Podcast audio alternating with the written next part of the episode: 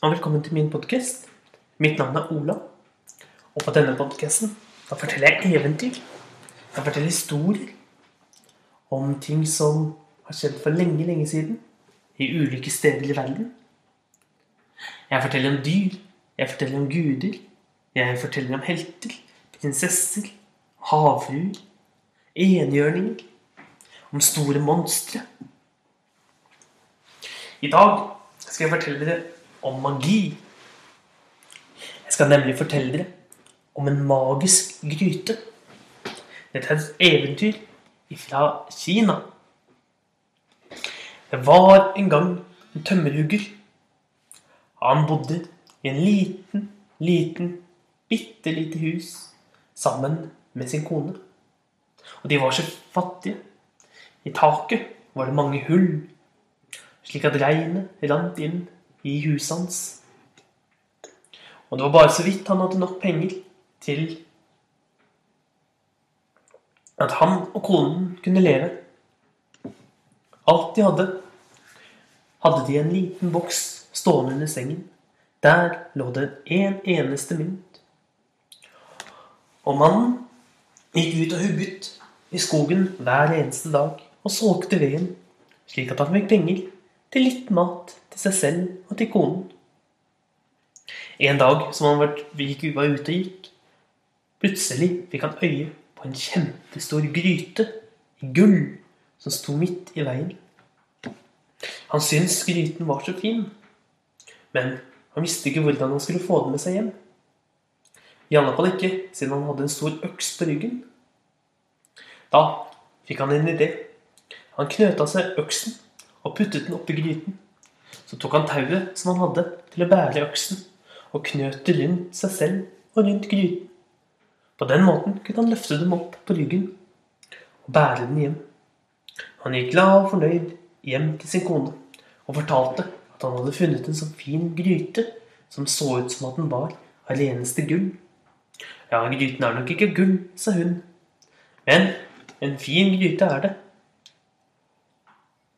Men har du også funnet deg en øks til? spurte hun. Nei, jeg har ikke funnet noen øks, sa mannen. Det er den øksen jeg hadde med meg da jeg gikk ut i dag morges. Nei, sa konen, for det ligger nemlig to økser oppi gryten. Hva er det du sier for noe? Ligger det to økser der? Mannen tok av seg gryten fra ryggen, satte den ned på bakken og tittet oppi. Ganske riktig, der lå det to økser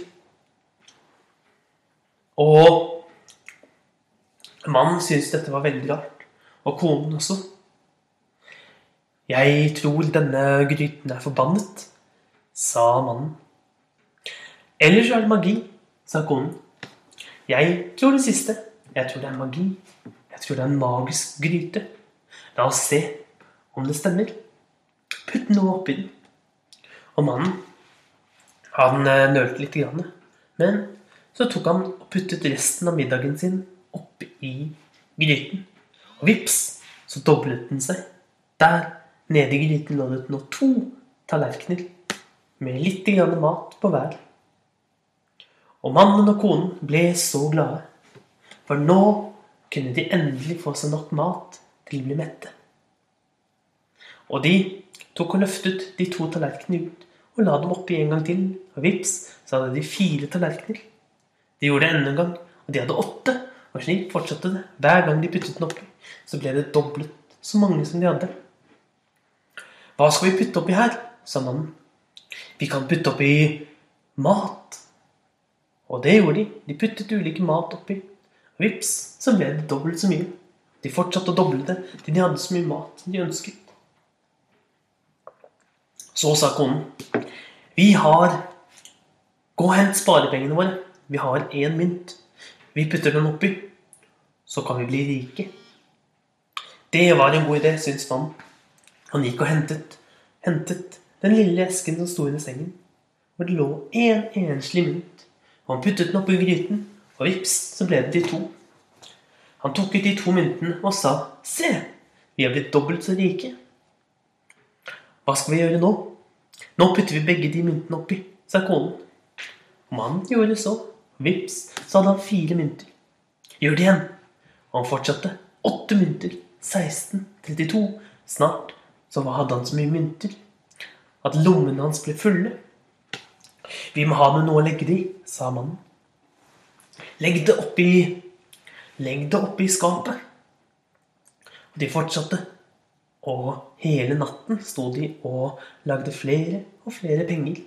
Hele huset var stappfullt penger. Nå har vi nok penger for hele livet. Hurra! ropte mannen og konen og sto og danset. De danset og danset. Men rett som det var, så skled konen på den ene mynten, og hun falt og snublet og falt oppi gryten. Men når mannen skulle trekke henne ut av gryten, så fikk han seg et stort sjokk, for der var det nemlig to.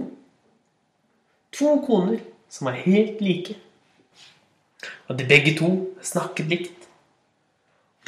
Begge to sa 'Jeg er din kone', og mannen visste ikke hvem som var hvem. Så sa han 'Hvordan skal jeg kunne ha to koner?' Dessuten så er vel ikke det lov? Nei, du får ikke lov til å ha en annen kone enn meg, sa begge konene på en gang. Men hva skal vi gjøre, sa mannen.